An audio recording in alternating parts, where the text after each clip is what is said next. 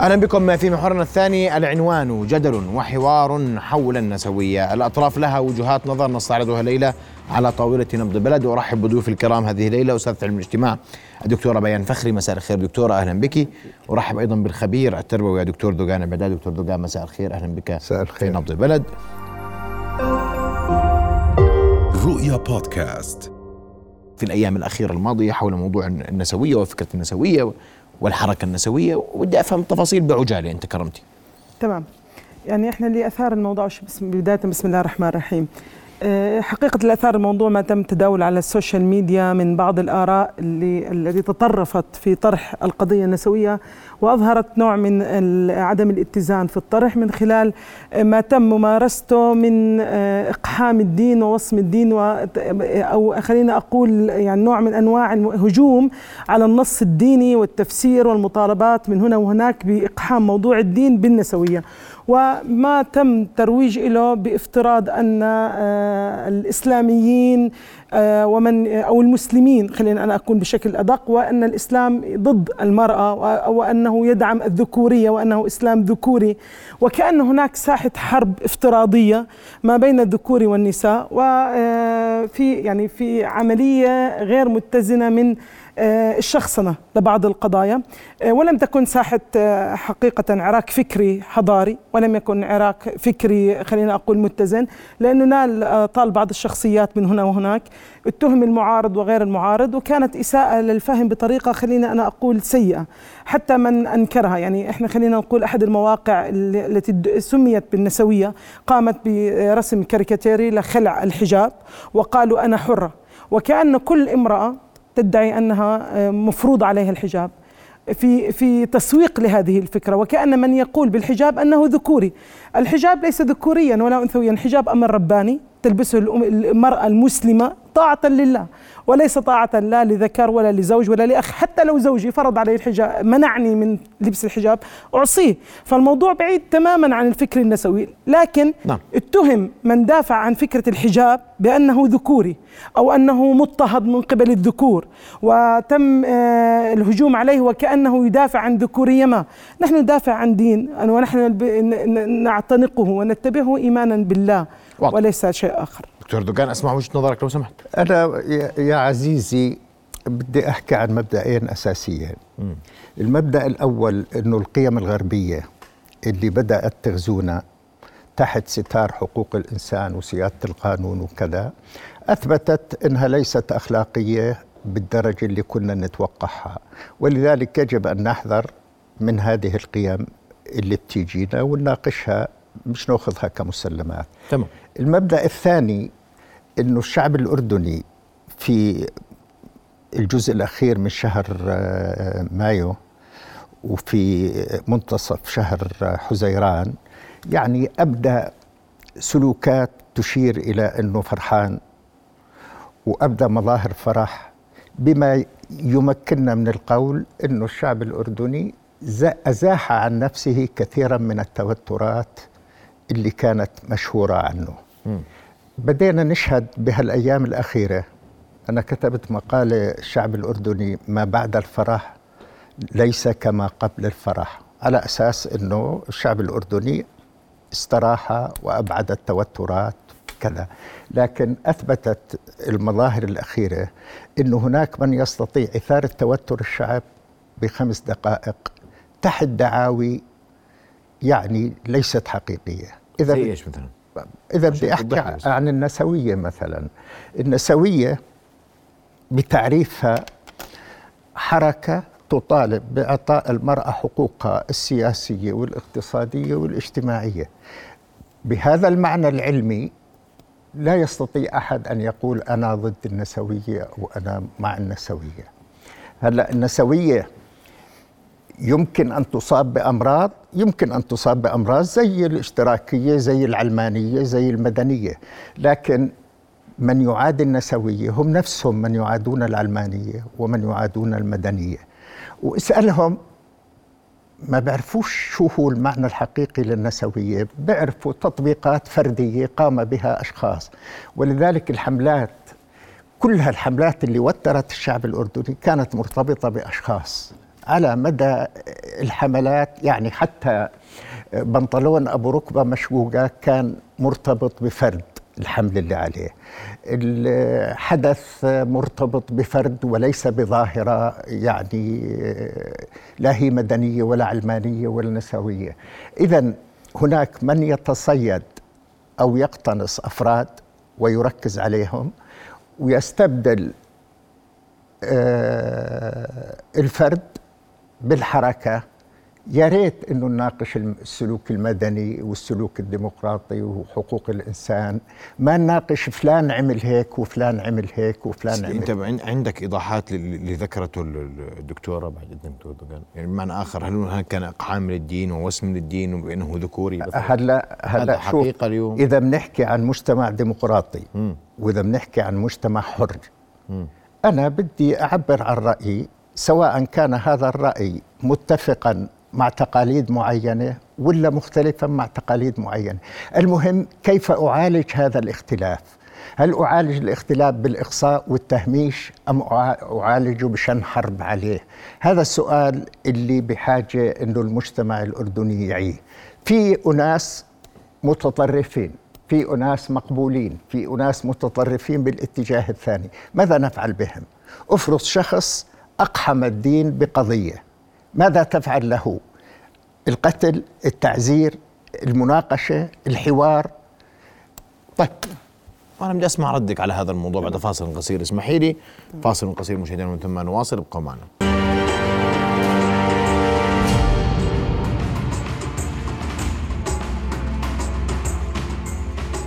نواصل حوارنا وضيوفنا الكرام. دكتورة بيان توقفت معك. تفضلي ستي وإذا عندك تعقيب على ما أورد الدكتور دوغان. تمام. إحنا ننطلق من النقطة اللي ذكرها أن الفكر النسوي يأتي أتانا من الغرب. حقيقة الفكر النسوي هو فكر غربي بامتياز ويعبر عن حالة غربية بكل التفاصيل من الألف للياء. ناتج عن حالة مظلومية للمرأة الغربية ضمن معتقدات موروثة إنسانيا منذ آه، من الديانة المسيحية واليهودية بشرح يطول في ذلك. أنا لدرجة أن في العصور الوسطى كان هناك آه، لقاءات علمية تطرح سؤال الإجابة على سؤال هل المرأة إنسان أو غير إنسان.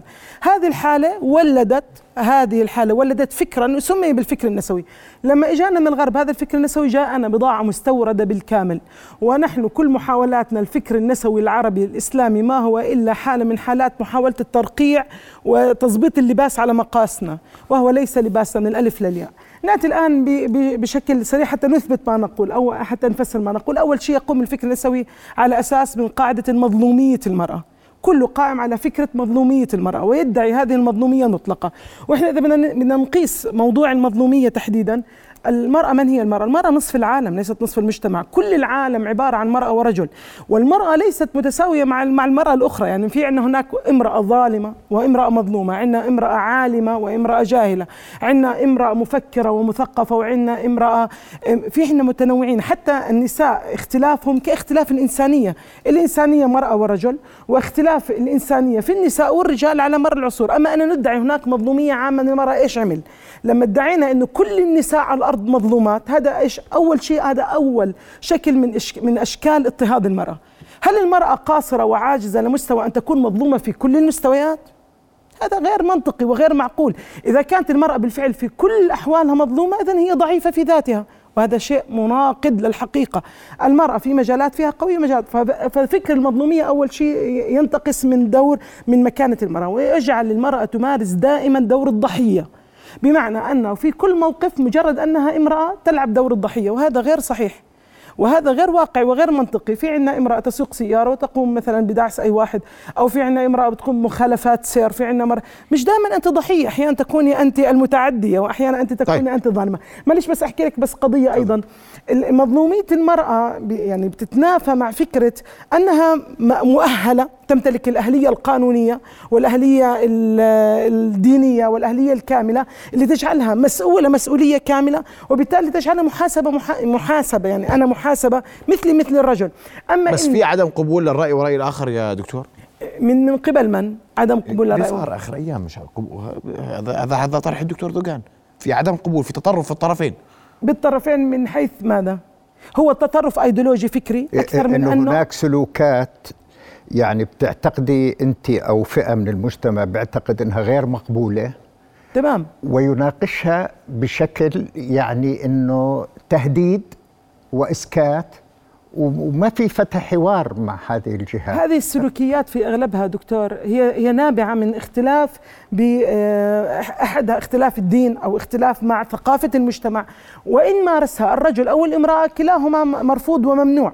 أما أن يتم استغلال استغلال وتوظيف قضية النسوية في أجندات معينة. يعني أنا أحكي لك على سبيل المثال الجدل اللي صار على ال social media في آخر أوقات. مجرد ما إنه اللي كانت تطرح تدافع عن فكر معين امرأة كانت تدافع عن فكر معين بمنطق وبعقلانية وسألت من وراء هذا الموقع؟ هوجمت طب مش انت عم بتهاجمي مرأة؟ كانت مرأة تهاجم المرأة على ال social media. ولا وتتباكى إنه أنت كيف امرأة وبتقومي بالدفاع عن الحجاب؟ آه أنا امرأة الحجاب موضوعي عفوا. طيب، الحجاب مش موضوع مرأة. الحجاب قضية مرأة. ليش لما أدافع عنها؟ أنا أفقد أنوثتي. هي الفكرة الأساسية. لا هي فكرة حجاب ولا هي فكرة, فكرة هذا الجدل وراء اللي صار. لا لا ما وراء الحجاب. يعني المبادئ اللي بتحدد هذا السلوك. إحنا بمجتمع مثلا الدولة أقرت اتفاقية سيداو المظلومة جدا. أقرتها ووافقت عليها. إذا صارت القضايا النسوية في 90% منها مقوننة. أو وفق القانون الأردني.